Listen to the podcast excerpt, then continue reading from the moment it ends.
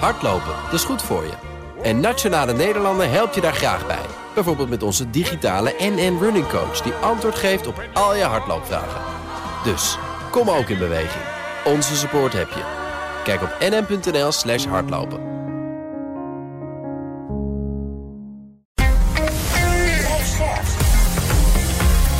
BNR Nieuwsradio. BNR breekt. Ivan Verrips. Goedemorgen en welkom. Vanaf half twaalf praat ik over het nieuws van de dag. Over het MBO, want het loont om daar een opleiding te volgen. In de letterlijke zin. Steeds vaker verdienen MBO'ers meer dan HBO'ers. En we hebben het over de gevolgen van de stijgende inflatie voor de kinderportemonnee.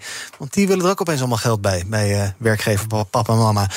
In mijn panel vandaag Iris Vergeer, voorzitter van Dwars, de GroenLinks-jongeren. Goedemorgen. Goedemorgen. Fijn dat je er bent. En Nathan Kramer, bestuurslid bij Perspectief. En dat zijn dan weer de ChristenUnie-jongeren. Goedemorgen. Morgen. We gaan beginnen met... BNR breekt.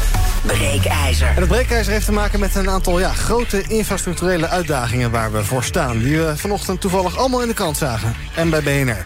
Uh, momenteel ervaren weggebruikers en transportbedrijven grote problemen door reparaties aan bruggen en sluizen. Maar dat gaat het komend jaar alleen maar meer worden. Rijkswaterstaat waarschuwt voor uh, meer ellende. Komt allemaal door achterstallig onderhoud. Intussen hebben we dan ook nog allerlei uitdagingen als het gaat om dijken, sluizen en gemalen. In de huidige staat zijn die over 25 jaar namelijk niet meer veilig. En dus is versteviging nodig van zo'n 1500 kilometer aan waterkeringen. De grootste klus sinds de Delta-werken, zegt de Unie van Waterschappen. En ook op het gebied van laadpalen zijn nog wat uitdagingen. Daar zijn er nu zo'n 100.000 van. Maar dat moet eigenlijk nou, worden verviervoudigd in de komende zeven jaar. En dan hebben we ook nog wat uitdagingen als het gaat om huizen bouwen. En dat zijn, klinkt als allemaal losse nieuwsberichten... maar misschien moeten we dat eens gaan vatten in één groot plan. Ons breekijzer vandaag. Nederland loopt vast. Het is tijd voor een masterplan infrastructuur. Ik ben heel benieuwd hoe jij erover denkt. Misschien Misschien vind je dat een goed idee. Is het tijd voor grootse visies? En zo ja, hoe dan en wat dan? En wat moet prioriteit krijgen? Hoe gaan we dat doen? Eh, hoe ambitieus moet je daarin zijn? Of misschien vind het allemaal wel meevallen met hoe krakkemikkig ons landje aan elkaar hangt. En kunnen we prima verder met wat pleisters en gaffer tape? Ons breekijzer dus. Nederland loopt vast. Het is tijd voor een masterplan infrastructuur. Ik ben heel benieuwd hoe jij erover denkt. Onze eh, telefoonnummer 020 468 4 0 Nu bellen, kom je zo meteen in de uitzending. 020 468 4 0 je kan ook van je laten horen via Instagram. Daar heten we BNR Nieuwsradio. In de stories kan je stemmen. Maar het leukste is even bellen. 020-468-4-0. Zometeen hoor je hoe mijn panelleden erover denken. Maar ik begin bij Leentje Volkers. Zij is hoogleraar bouwmanagement bij de afdeling Civiele Techniek en Management van de Universiteit van Twente. Goedemorgen, Leentje. Goedemorgen. Nederland loopt vast. Het is tijd voor een masterplan infrastructuur. Wat vind jij? Eh, ik ben het er helemaal mee eens. Ik een heel goed plan. Ik uh, denk zeker dat we op grotere schaal moeten gaan denken om al deze problemen aan te pakken. Want het is nu veel te versnipperd, allemaal losse ideetjes en plannetjes? Uh, voor een gedeelte wel. En uh, de industrie is ook heel erg projectgeoriënteerd. Dus wij zijn heel gewend om dingen stuk voor stuk aan te pakken. Hmm. Um, en dat doen alle opdrachtgevers en dat doen ook alle, alle leveranciers in de keten. Dus de bouwers, de ingenieursbureaus. Die zijn allemaal heel erg gefocust op, op, op individuele onderdelen van het, uh, van het netwerk. In plaats van het hele netwerk of het hele infrastructuursysteem aan zich. Ja, wie zou daar, de, wie zou daar het, de leiding in moeten nemen? Ik, ik denk INW toch? Of ja, het ministerie? Wat ja, het ministerie speelt daar zeker een belangrijke rol. Uh, maar die is natuurlijk eigen, eigen, die is niet eigenaar van alle soorten assets. Dus uh -huh. van alle soorten infrastructuur. Um, maar die heeft wel een hele belangrijke rol in de wetgeving, in de financiering. In, uh, en die heeft ook een veel, heel groot overzicht natuurlijk over ja. wat er in principe nodig zou zijn. Ja. Voordat we zo meteen de, de diepte in gaan, even kort nog wat zou wat jou betreft het, ja, het, het, het, het meest prangende punt dan zijn in, in zo'n plan? Wat moet er bovenaan staan? Nou, het, kijk, het gevaar van een plan maken is dat je heel lang bezig bent met uh, het maken van het plan, omdat iedereen het over, overal over eens moet zijn.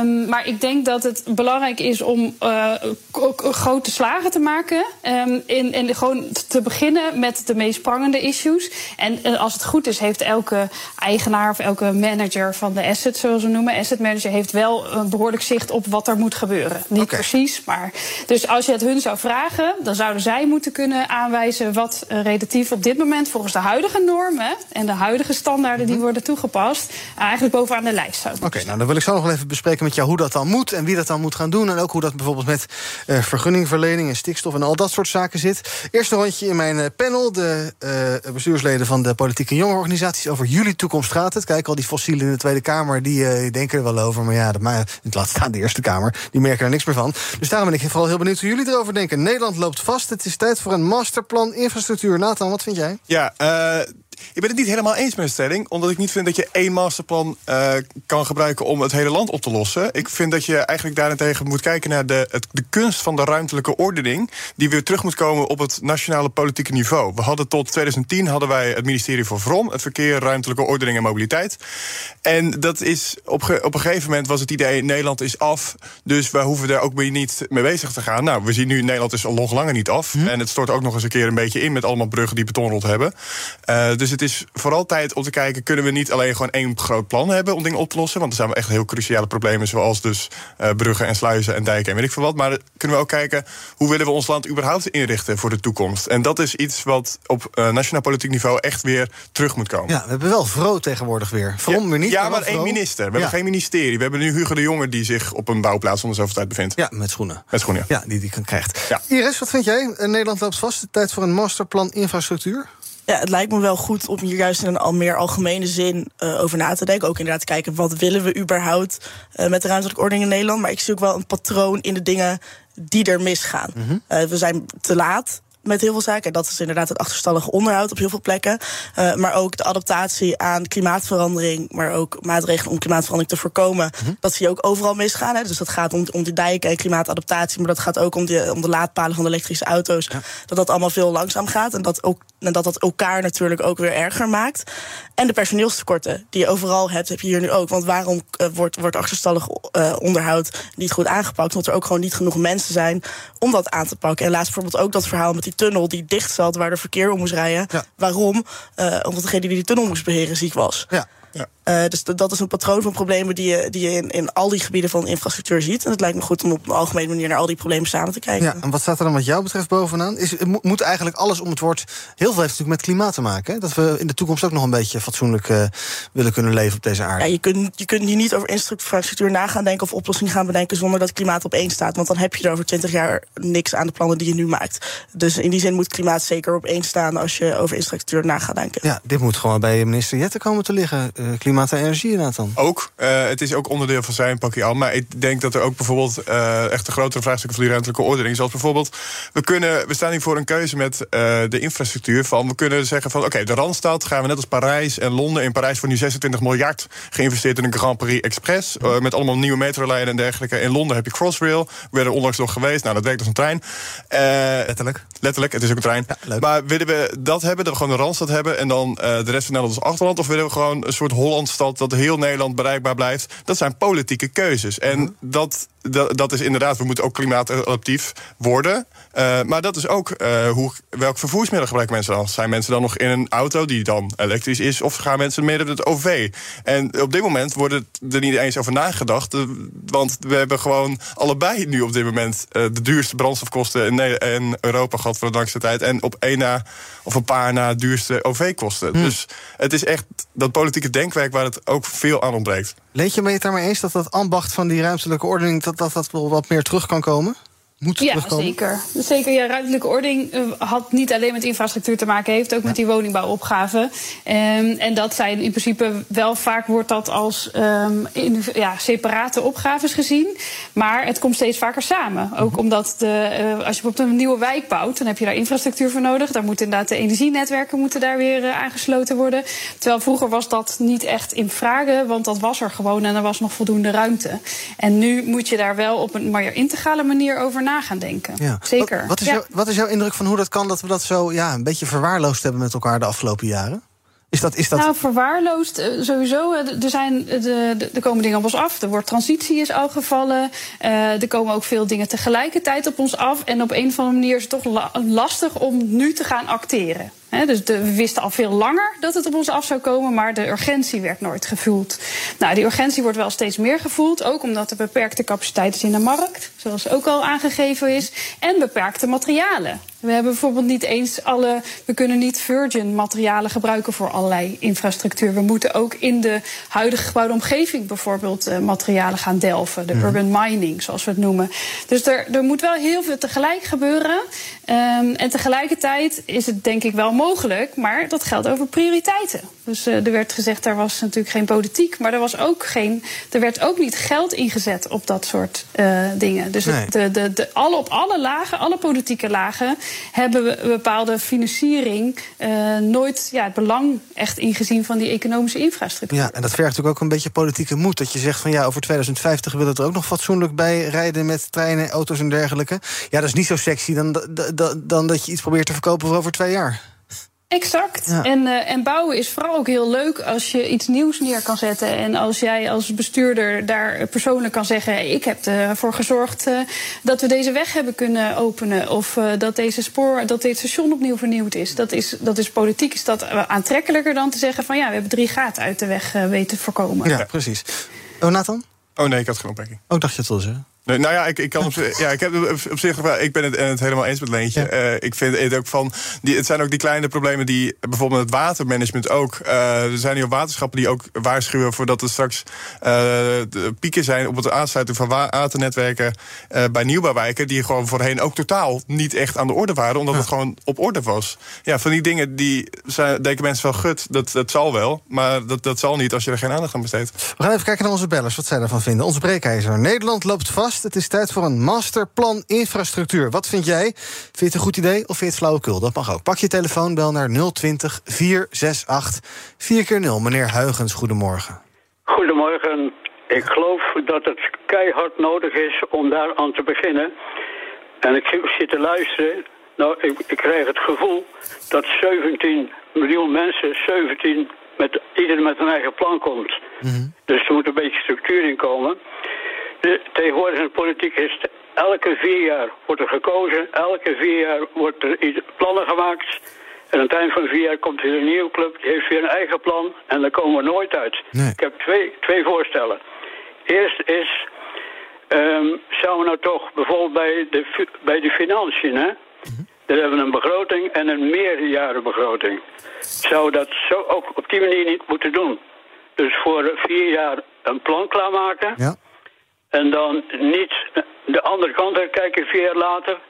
Maar kijken dat er nog de, plannen die erin zitten, waar dan ook al geld voor moet zijn, ja. daarop voortzetten. Okay, en het tweede idee? En, en, en het tweede idee, dat is nog kwalijker.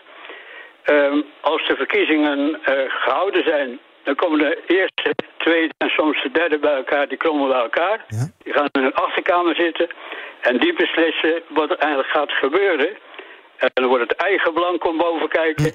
En de rest heeft het nakijken. En, en daar moeten we ook vanaf. Mag gewoon een stukje transparanter. Dus dank voor het bellen. Richard, goedemorgen. Ah, ja, goedemorgen, Ivan. Zeg het maar. Um, ja, ik zou zeggen, dat zei ik net tegen de, tegen de man die de telefoon ook opnam. Mm -hmm. Het zou niet nodig hoeven zijn, want het is, het is enorm tijd voor verstandig beleid en niet voor juridisch beleid. En tegen iedereen die GroenLinks zou ik willen zeggen, die alles maar tegenhouden. Kijk eens waar je in loopt. Kijk eens wat je eet, kijk eens wat je hebt. Alles wordt vervoerd. Dus aan de andere kant, alles wat ze tegenhouden, zijn ze hypocriet is wat. Want dat soort mensen praten alleen maar in hun straatje hoe het er hun uitkomt. Ja. En daar wou ik op bij laten. Oh, nou, ik wil je nog een vraag stellen, maar dat mag dan niet meer, of wel?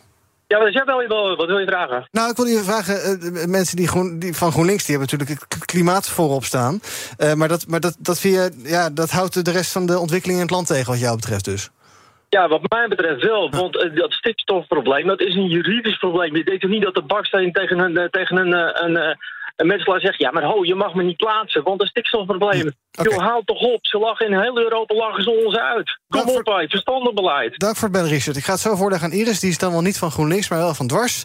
meneer Schoenmakers, goedemorgen. Goedemorgen. Zeg het maar. Ja, welk plan we ook verzinnen, het lijkt meer symptoombestrijding. Uh, er wordt nooit gesproken over de oorzaak wegnemen. Dat is gewoon de structurele bevolkingsgroei in Nederland. We uh. kunnen wel meer wegen maken, maar dan hebben we over een paar jaar weer een nieuw probleem. Ja. Dus ik hoor geen enkel, niemand in de politiek praten over om een oplossing voor de structurele bevolkingsgroei. Ja. Heb je er zelf een idee bij? Nee, ik heb er geen structureel plan voor, maar Dat, is- dat is de oorzaak en die moet je eerst wegnemen. Dan, dan heeft de symptoombestrijding geen zin. Ik ga het zo voorleggen aan mijn twee eh, politieke jongeren. Dankjewel. BNR breekt. Ivan Verrips. Met vandaag ons breekijzer. Nederland loopt vast. Het is tijd voor een masterplan infrastructuur. Als je wil reageren, 020 468 4 keer 0 Nu bellen, kom je zo meteen in de uitzending. In mijn panel zitten Iris Vergeer, voorzitter van Dwars... Nathan Kramer, bestuurslid bij Perspectief. En ook praat ik met eh, Leentje. Zij is eh, Leentje Volkers, hoogleraar bouwmanagement... bij de afdeling Civiele Techniek en Management... van de Universiteit van Twente. En ons breekijzer dus. Nederland loopt vast. Tijd voor een masterplan infrastructuur. Nou, even twee dingen die de bellers zeiden. Ik begin even bij jou, Iris. Ik zei al, je bent niet van GroenLinks, maar wel van dwars. Al die mensen die klimaat voorop hebben, joh, die houden die ontwikkeling in ons land maar tegen. Die denken alleen maar aan groen en dan eh, staan we uiteindelijk allemaal vast in eh, wegen die eh een grote puinhoop zijn. Ja, twee dingen. Volgens mij hebben we inderdaad heel veel politici die niet, die niet nadurven te denken over de toekomst op dit moment. En lopen we nu al vast en komt dat, en komt dat niet per se door klimaatbeleid, want GroenLinks is nu niet aan de macht. En het, en het gaat nu al fout. En eh, ik word inderdaad ook een beetje moe van het, van het idee dat klimaatverandering eh, dat, dat het een soort van theoretisch probleem zou zijn. Als we nu niks doen en als we, als we infrastructuur niet, niet adaptief gaan maken, eh, dan gaan we letterlijk overstromen. De conclusie van dat artikel was letterlijk: de helft van de dijken is niet, is niet goed genoeg op dit moment. En dingen werken elkaar ook niet tegen. Je moet gewoon nadenken over slimme oplossingen. Want het ging bijvoorbeeld over vrachtwagens, grote vrachtwagens die veel wegen niet meer over kunnen. Ik denk dan meteen goederentreinen. Eh, is dat in een, in een deel van dat soort gevallen niet, eh, niet de oplossing? Ik denk dat we na moeten gaan denken over oplossingen die voor iedereen werken, die ook in de toekomst werken. Want je kunt nu wel eh, niet rekening gaan houden met klimaat. eh, maar dan loop je over, over een paar decennia dan weer tegen veel grotere problemen aan. Die, die überhaupt ons hele bestaan gaan bedreigen. Ja. Dus dan ben je ook weer niet met de toekomst bezig. En dan ben je ook weer geen transparante politiek aan het voeren. Nathan, we hebben gewoon veel te veel mensen in dit land. Ja, nou, ik vond wel. Het is wel een, een uitgangspunt dat inderdaad benoemd moet worden. De mi- migratieaantallen zijn inderdaad gestegen. En er zijn inderdaad meer mensen. Het is ook een politieke keuze van. Hoe richt je dat in? En ik, ik ben zelf van mening van het, het, het, het kan wel, maar dan moet je er ook het oog voor hebben van dat we ook grotere steden hebben en dat we daar ook meer voor bouwen. En dat is inderdaad, eh, daar, daar- ja, daar heeft meneer Schoenmakers heeft wel gelijk in. Dat is inderdaad een ondergeschoven kindje geweest van de politiek. Eh, want die ja, migratiesaldo is te laag ingeschat ook. Eh, maar ik, ik kan er inderdaad mee werken. Het is alleen, stel er dan een plan voor op en heb er dan ook een idee bij van hoe je dat wil inrichten. En ik, ik had trouwens ook nog over eh, meneer Huygens, die zei eh, dat van die meerjarenvisie. Ja, dat vind ik super mooi. In Nederland hadden we al heel lang een cultuur van allemaal nota's, ruimtelijke ordening. We hebben de, de Vinex-wijken, dat is vierde nota extra. Dat, dat was een hele mooie traditie die we hadden in de Nederlandse politiek. Maar dat is ja, vergeten. We hebben nu een NOVI, de nieuwe omgevingsvisie. En daar komt het een beetje mee terug. Maar ja, het is, het is niet meer wat het is geweest. Nee, maar hoe- kan je dat waarborgen dan? Als je inderdaad elke vier jaar Tweede Kamerverkiezing hebt. Ja, ehm, je, kan, je wil als, als Kamer ook niet over je graf regeren. Of als, als, als, als, als kabinet. Nee, klopt. En ik, ik kan ook, kijk, uiteindelijk zijn er ook wel grenzen aan wat het kan. Maar je moet wel gewoon een beetje lange termijn visie. Ja. Kan absoluut geen kwaad. Het is niet alsof ja, Rutte die heeft gezegd van voor visie ga je maar naar de oogarts. Maar ik zou zeggen, eh, wil je een land, dat is uit Den L dan weer, van eh, zonder visie gaat een land eronder. Ja, En ja. dat merken we nu. Ja, en met klimaat proberen we dat ook, hè, lange termijn visies. Dus het kan technisch wel. Ja, het, het, kan, het kan niet alleen, het moet. Ja. Uh, Leentje, ben je het daarmee eens dat, we, ja, dat, dat de politiek eh, allemaal gekozen voor vier jaar? Als het een beetje mee zit, blijven ze ook die eh, rit uitzitten. En daarna beginnen we het uh, circusje weer opnieuw. Er mist uh, lange Ja. termijn ook een mogelijkheid om een lange termijn, termijn beleid te maken. Nou ja, kijk, wat kenmerkend is aan bouwprojecten is dat ze sowieso eh, vaak overstijgen over de vier jaar heen. Ja. En ik denk dat we ook goed, eh, dus dat, dat, dat, dat- ja, dat is sowieso, zijn dat veel langere termijnen dan die politiek. Eh, maar we zien wel dat er natuurlijk, nou, soms gewoon een rood sausje, soms een blauw sausje, soms een groen sausje over wordt gegooid. Maar ik denk dat we hier, deze opgaves, die hebben veel meer te maken met de basiskwaliteit die wij in Nederland met elkaar willen houden, behouden of creëren. En volgens mij is er op een gegeven moment ook voor de toekomst geen keuze meer over welke luxe niveau we hebben, maar welke, waar we op gaan inleveren. Dat zal ook een van de discussies gaan worden. Ja. Ehm, dus het is niet zozeer over, oké, wat willen we er nog extra bij? Maar wat, laten we, wat willen we als kern behouden? En wat is mooi als dat er nog bij kan? Ja, is het, is het met die wegen in ons land zo... Uh, is het een soort uh, Belgische en Amerikaanse toestand hier? Of, of, valt dat wel mee? Ik heb het idee dat ik altijd wel vrij soepel over de snelweg glij. Maar... Ja, natuurlijk valt het hartstikke ja. mee. Wij zijn hartstikke goed in Nederland. Wereld, we zitten nog in de top drie van de beste infrastructuursystemen op dit moment. Maar we zijn wel natuurlijk heel dicht bevolkt. Dus wij gebruiken het heel intensief. Dus als je kijkt naar uh, andere landen waar het minder intensief gebruikt wordt... is de degradatie van dat soort assets is ook gewoon wel minder. Ja. Dus in die zin is er ook wel actie, prioritering en, inderdaad een visie op waar we dan op gaan prioriteren. Dat zijn wel dingen waar we echt over na moeten gaan denken. Ja, zou Rijkswaterstaat die misschien ook gewoon weer zelf moeten gaan bouwen? Want het is nu een soort uh, club met contracten. En zelf bouwen. Ik denk niet dat dat heel veel uitmaakt. Nee?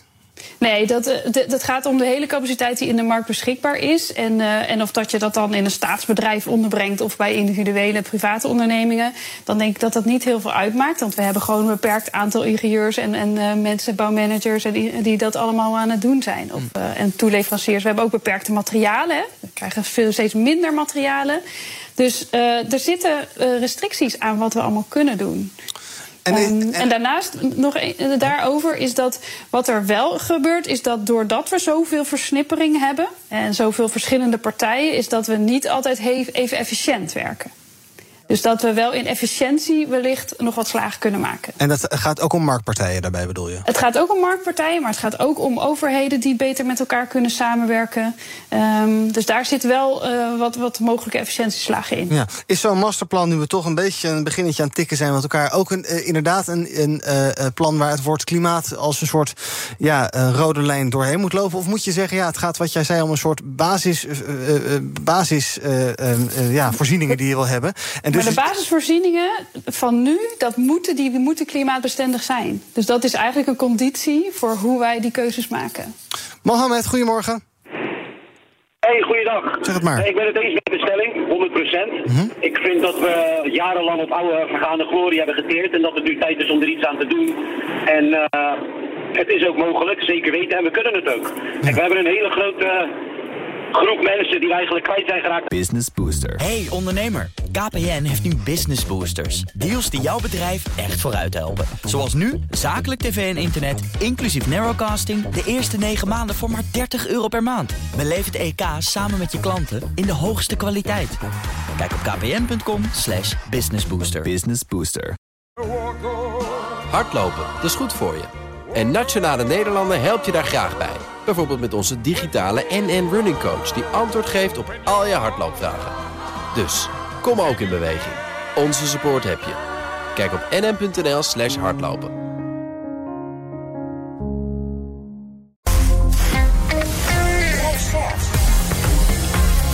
BNR Nieuwsradio. BNR breekt. Ivan Verrips. Welkom terug in mijn panel vandaag. Iris Vergeer, voorzitter van Dwars... en Nathan Kramer, bestuurslid bij Perspectief. En dat zijn respectievelijk de jongere partijen van... verbonden aan enigszins GroenLinks en de ChristenUnie. Ja, het is altijd een beetje een uh, moeilijk evenwicht... Hè, want je bent, niet de, je bent niet de jongere partij van GroenLinks... Of jullie zijn wel de GroenLinkse jongeren, geloof ik, hè? Noem je dat? Ja, we heten dwars GroenLinkse jongeren. Ja, maar we zijn wel een onafhankelijke jongeren. Oh ja, wel GroenLinkse jongeren. Dus hoe, hoe is het dan?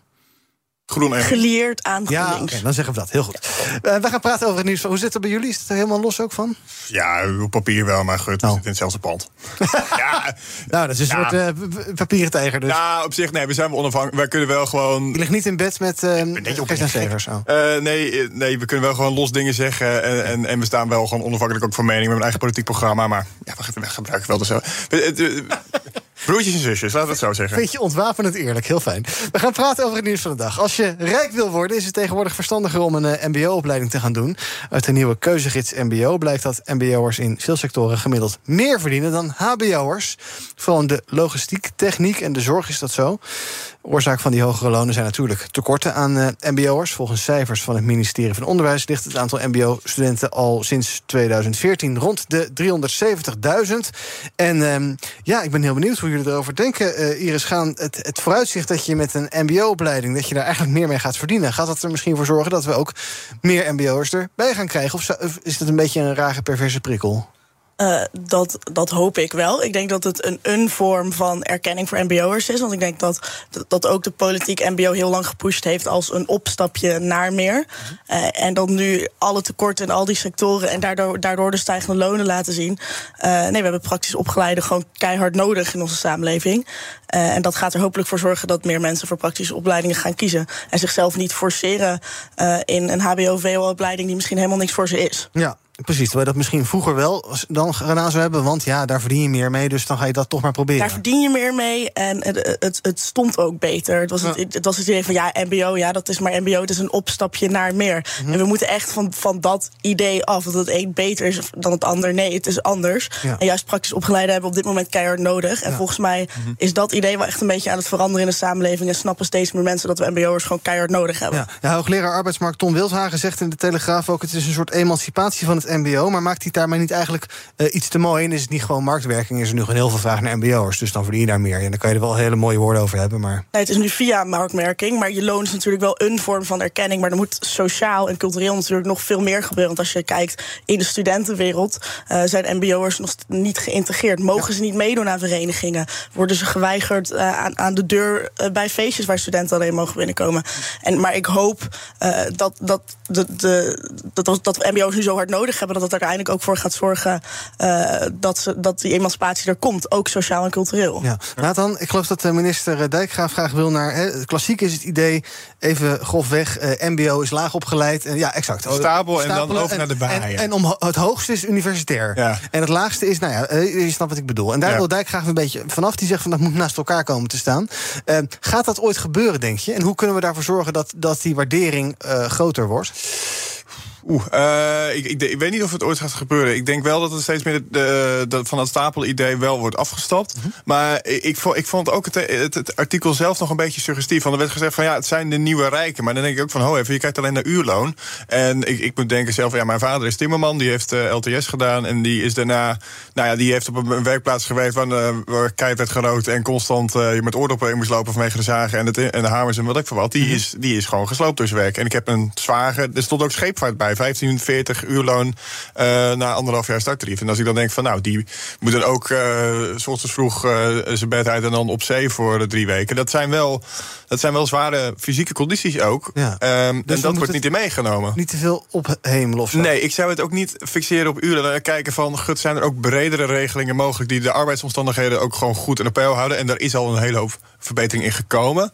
Uh, maar dat is, het, het, het, is niet alleen een uurloon waar je rijk voor wordt. Het is ook gewoon de fysieke en mentale gesteldheid uh, van, die een, bij een baan zelf ook gepaard gaat. Ja, ik zag wel dat MBO'ers ook vaker uh, tevreden zijn met hun baan dan HBO'ers. Dat is toch ook wel fijn dat je dan ja. blijkbaar vaker uh, uh, nou ja, blij bent met wat je doet. En dat je misschien het idee hebt van goh, ik voeg wat toe. Ja. In plaats van dat je een uh, soort ja, baan hebt waarbij je maar wat ouwe hoort op de radio, zoals ik. Ik denk dat dat ook een teken is de, de, dat zeker vroeger echt de cultuur was van ja, als je echt geld wil verdienen en als je echt iets, iets interessants wil doen, dan moet je HBO-VO gaan doen. Ja, Waardoor mensen zich, zichzelf. Oh. Ja, maar dan hebben ze zich, zichzelf in dat hokje geforceerd. Terwijl een praktische baan en een praktische opleiding misschien veel beter bij ze past. Dus is het logisch dat mensen die wel voor die praktische baan hebben gekozen, dat uiteindelijk leuker vinden.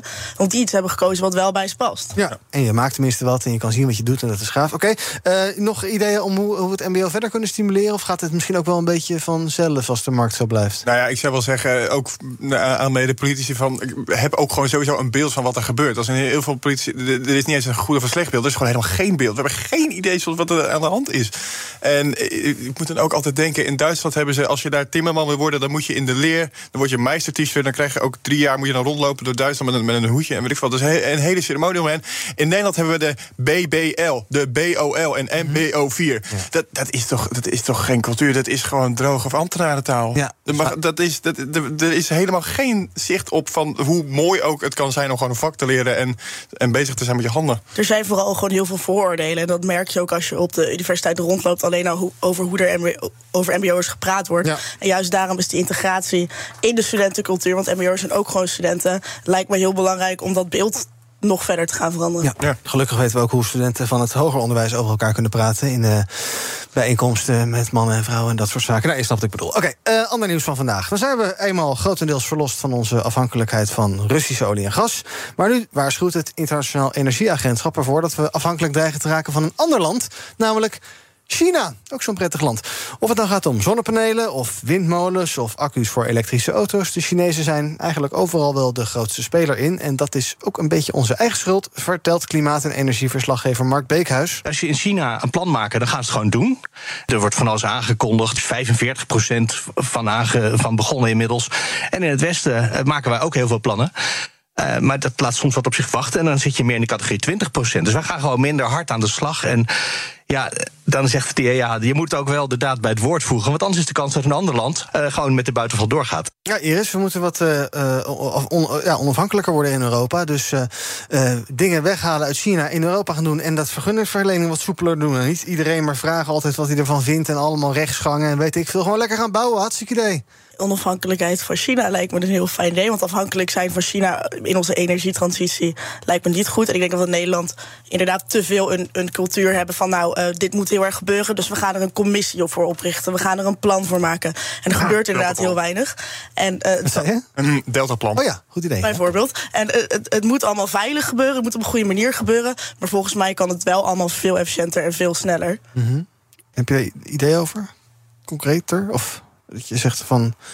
Goh, we gaan zonnepanelen gewoon in Duitsland maken of uh, in Nederland of... Uh, als het in Nederland of, of Duitsland enigszins kan, uh, snel doen. En uh, ik denk dat dat ook weer dat er op dit moment gewoon te weinig mensen op zitten om die plannen snel en efficiënt te kunnen maken. Mm -hmm. Want ik zou nu niet, nu niet kunnen roepen van nou ja, die vergunningen moeten makkelijker.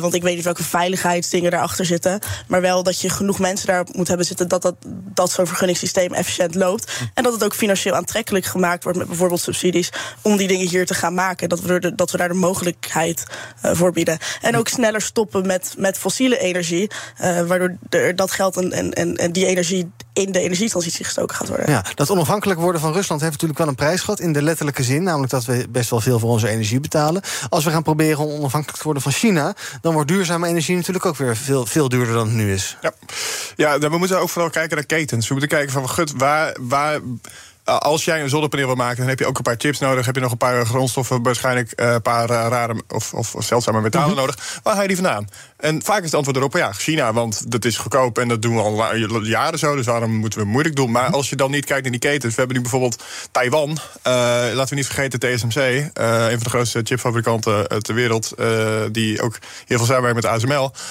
als Taiwan wordt binnengevallen. Uh, wat niet een onrealistische optie is, helaas, op dit, dit moment. Mm -hmm. Dan zijn we bokkie. Want ja. dan kunnen dus die chips kunnen niet meer worden gemaakt. Dan kunnen dus die zonnepanelen die kunnen niet meer worden gestuurd door uh, aanstuurmechanismen. Dus dan kunnen we geen zonnepanelen meer maken. Dus, dus, dus. Ja. En kijken naar die keten en uh, van waar halen onze grondstoffen vandaan. En er zijn ook in Finland is, zijn er nu ook bezig om te kijken of ze daar mijnen kunnen opstellen. Er zijn mogelijkheden, maar breng dat dan ook in kaart. Ja, er kwam net tijdens het nieuws om half twaalf nog het bericht van Tennet. Zij maken zich zorgen om een tekort aan elektriciteit na 2030, over zeven jaar dus. Want ze zeggen, ja, we worden steeds afhankelijker van elektriciteit. Maar het systeem wordt steeds afhankelijk van uh, weeromstandigheden. En dat willen we natuurlijk ook, hè, wind en zon enzovoorts.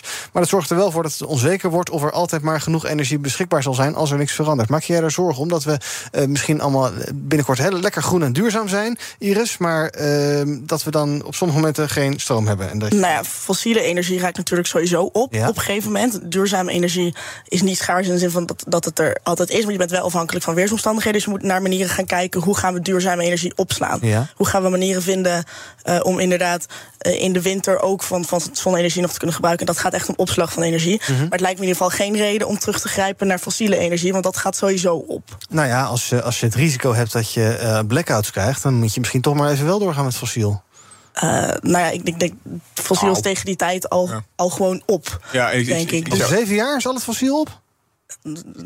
Dan nog niet helemaal, maar uiteindelijk is het geen oplossing om daar naar terug te grijpen. Dus je moet Ja. naar manieren gaan vinden hoe, hoe gaan we met duurzame energie om op Ja. een manier dat we het kunnen, dat we het kunnen blijven gebruiken. Oké, Nathan, het opslag. eh, Je hebt mensen die hangen zo'n eh, batterij van Tesla tegen de muur thuis.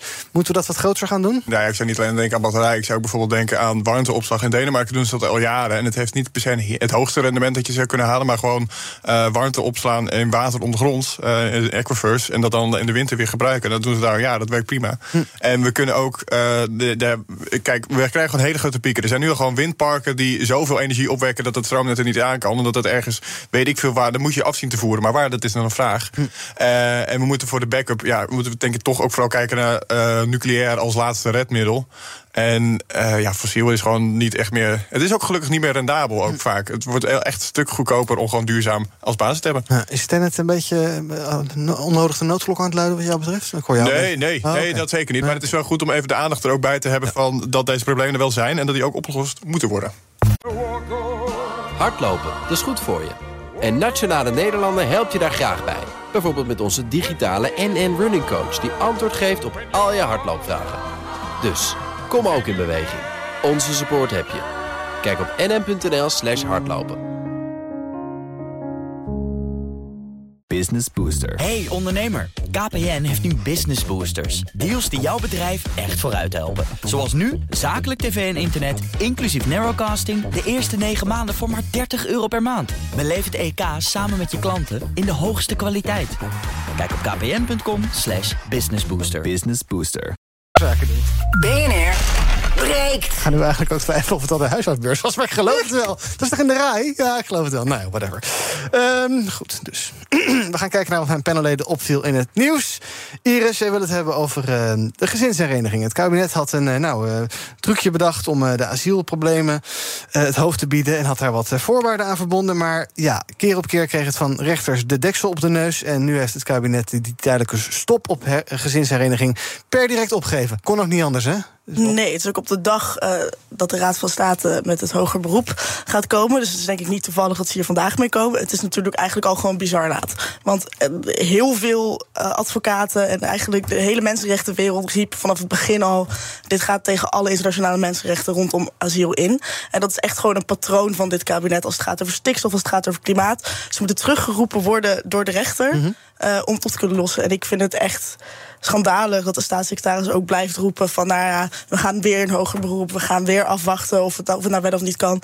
Uh, omdat ze blijkbaar zo graag gezinshereniging willen stoppen. Uh -huh. Uh, ja, dat staat natuurlijk nergens op. Ja, puur technisch uh, heb je natuurlijk hè, de, de, de rechterlijke gang is, uh, kan je maken. En je kan, je kan verder in beroep en in cassatie enzovoorts enzovoorts. Maar jij vindt eigenlijk dat het kabinet na die eerste rechtbankuitspraak al had moeten zeggen: oeps, sorry, foutje hadden we niet moeten doen, we stoppen er gelijk mee. Vooral omdat er toen uit alle hoeken al professionele informatie kwam van ja, deze zaken ga je nooit winnen, die hogere beroepen ga je niet halen. Die gaan ze ook niet winnen. en überhaupt vanuit het menselijke aspect. Je kunt dat hoger beroep ook, ook acht, ook afwachten terwijl je ondertussen gezinshereniging wel toestaat. Ja. Want daar zitten nu gewoon heel veel mensen op te wachten. Uh, maar het kabinet heeft gezegd: nee, we gaan het uitstellen. Het voelt eigenlijk als een spelletje. Jij mag net zo lang niet herenigd worden met je familie. Totdat wij echt van de allerhoogste rechter te horen krijgen dat het niet mag. Het is echt ja. een soort uitstel van executie. En dat maakt het voor mij heel kwalijk, omdat dat gewoon spelen is met het leven van die gezinnen. Ja. Terwijl het kabinet ook wel weet dat, dat die wet bij de rechter gewoon geen stand gaat houden. Ja. Nathan, uh, uh, eeuwige blijert Erik van den Burg, die, hoe vind je dat hij ermee om is gegaan? Want die stond ook altijd lacht op de camera, wat er ook gebeurde. Ja, nou, het, het is zoals Iris ook al uh, terecht aanstipt. Het, het, is gewoon een grote rek- en strek oefening geweest. Als in het, het, is bij, het is bij het kabinet ook gewoon duidelijk dat, dit, dat het lang niet uh, stand hield. Uh, het is alleen ja, tijd winnen, want dan kan je kijken van gut, hoe kunnen we het op een andere manier proberen in te richten. maar het, ja, en het vond ik, ik vond ook altijd de duivel zit het altijd op pagina 2. want je weet dat gewoon hierna na de uitspraak van de Raad van State, die zeer waarschijnlijk gewoon tegen de Staten is, dat het nog steeds een gedoe voor je welste blijft. En er zijn nog veel meer dingen in de asielketen die heel ja, duidelijk gewoon in hadden, hadden moeten worden gericht, maar gewoon zijn vergeten. Ik weet, ja, mijn, mijn moeder die, uh, die werkt aan de opvang van Oekraïnse vluchtelingen. Mm -hmm. En er is dus nu uh, op 4 maart 2023 uh, voor Oekraïners die de Oekraïnse verblijfsvergunning hebben, maar niet in Oekraïne zijn geboren, vervalt de tijdelijke opvangregeling. En niemand, maar ook werkelijk niemand, weet wat te doen. Ja.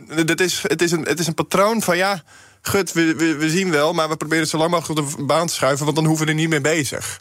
En dat, dat, dat, dat leidt alleen maar tot meer leed en meer gedoe. En een, een opstapeling van problemen en problemen en problemen. Die, ja, en nu zijn we hier. Ja, en 4 maart is over twee maanden al. Ja. Ja, uh, gisteren was er op het katshuis overleg over ja, goh, hoe nou uh, verder te gaan met. Uh, was dat gisteren, geloof ik wel? Over met die asielcrisis. Um, of eergisteren.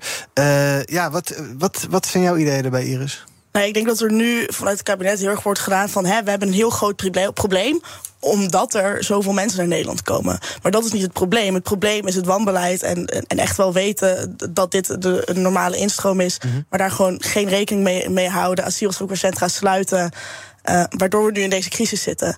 En ik, ik, ik denk dat het kabinet dat nog steeds heel erg gaat proberen te framen uh, als een soort crisis. En, en, het probleem is dat er mensen komen en dat ze met hun gezin herenigd willen worden. Maar dat is niet het probleem. Het probleem is uh, dat, ze, dat ze asielzoekerscentra hebben gesloten. Dat, dat er zoveel jaren wanbeleid is gebeurd. Omdat de instroom toen heel laag was omdat de instroom toen heel laag was. Maar uh, de, instroom is nu uh, niet veel hoger dan toen. En überhaupt wisten ze in 2015, ja, zo'n uh, wat er nu gebeurt, kan er zeker weer gebeuren. Het was gewoon een ontzettend onverstandige keuze om al die infrastructuur te sluiten. En dan nu te doen alsof we nu in een crisis zitten.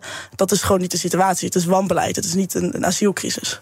Nathan, je wil het hebben over de cultuursector. Um, dit ziet na heel veel negativiteit over gehoord de afgelopen tijd. Want ja, werden ze nou wel gesteund tijdens die coronapandemie? Nee, te weinig enzovoorts, enzovoorts. Maar nu ziet de cultuursector het publiek weer terugkeren.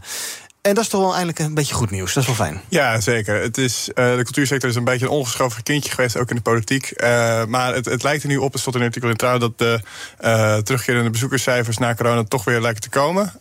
maar het, het, het, is nog steeds voor veel mensen in de publieke sector... of publieke, wat zeg ik nou? In de, culturele sector. in de culturele sector is het nog wel echt een groot gedoe... omdat gewoon heel veel theatergenootschappen zijn opgeheven en gesloten... Uh, dus het is, het, het is afwachten. Maar ja. ik vond het wel positief nieuws om ook te brengen van het, het, het gaat ook soms beter. Ja, dat is heel fijn. Waar ben je zelf uh, onlangs, uh, wat is jezelf jouw favoriete manier van cultuur nuttigen? Ehm, nou, ik ben onlangs ben eigenlijk best wel groot fan geworden van het theater. Ik ga hier om de zoveel tijd naar Amsterdam, naar ja, voormalig toneelgroep Amsterdam, nu het ITA. Ja. dat vind ik heerlijk om te bekijken. ik kan er wel echt van genieten. Dat, ja. dat, dat zeker. Ook musea bezoeken. Ik, ik, sinds het allemaal weer open kan, ga ik er ook direct allemaal heen. Ja, verander, verandering schijnt wel te zijn dat mensen dus uh, niet meer ver van tevoren kaartjes kopen, maar dat ze last minute meer kaarten kopen. Dat is natuurlijk voor die instellingen minder handig. Dat je niet weet van tevoren, nou, dat is uh, vijf avonden stijf uitverkocht, maar dat het ja, een beetje schipper is tot een uur voor aanvang van de, van de, van de, van de voorstelling. Ja, klopt. Het is, uh, het, het, het, is ook een groot probleem bijvoorbeeld dat er heel veel technici nu missen, ook door corona. Dat je dacht van ja, goed, ik kan wel mijn brood beter verdienen. En dat daardoor ook heel veel op de last minute wordt gekeken van, goed, kan jij nog een technicus ergens hier of daar vandaan vinden. En dat het ook ja, op, op de laatste minuut nog wel eens kan worden afgezegd. Dus het wordt allemaal een beetje, wel een beetje onstabiel. Topman van ITA was trouwens laatste gast bij Thomas van Zel bij Zaken. Oh. Kan je terugluisteren in de uh, podcast De Top van Nederland. Zomaar een luistertipje. Oké, dan gaan we nog even kijken wat er trending is op de socials. Hashtag afvallen. Uit onderzoek van Multiscope blijkt dat 2,5 miljoen Nederlanders vorig jaar een poging hebben gedaan om af te vallen. De meest populaire manier om dat te doen was een koolhydraatarm dieet. Ook trending is Jeff Beck, de Britse gitarist... is uh, vanochtend op 78-jarige leeftijd overleden. Wordt over het algemeen gezien als een van de beste gitaristen aller tijden. En dat klinkt dus zo.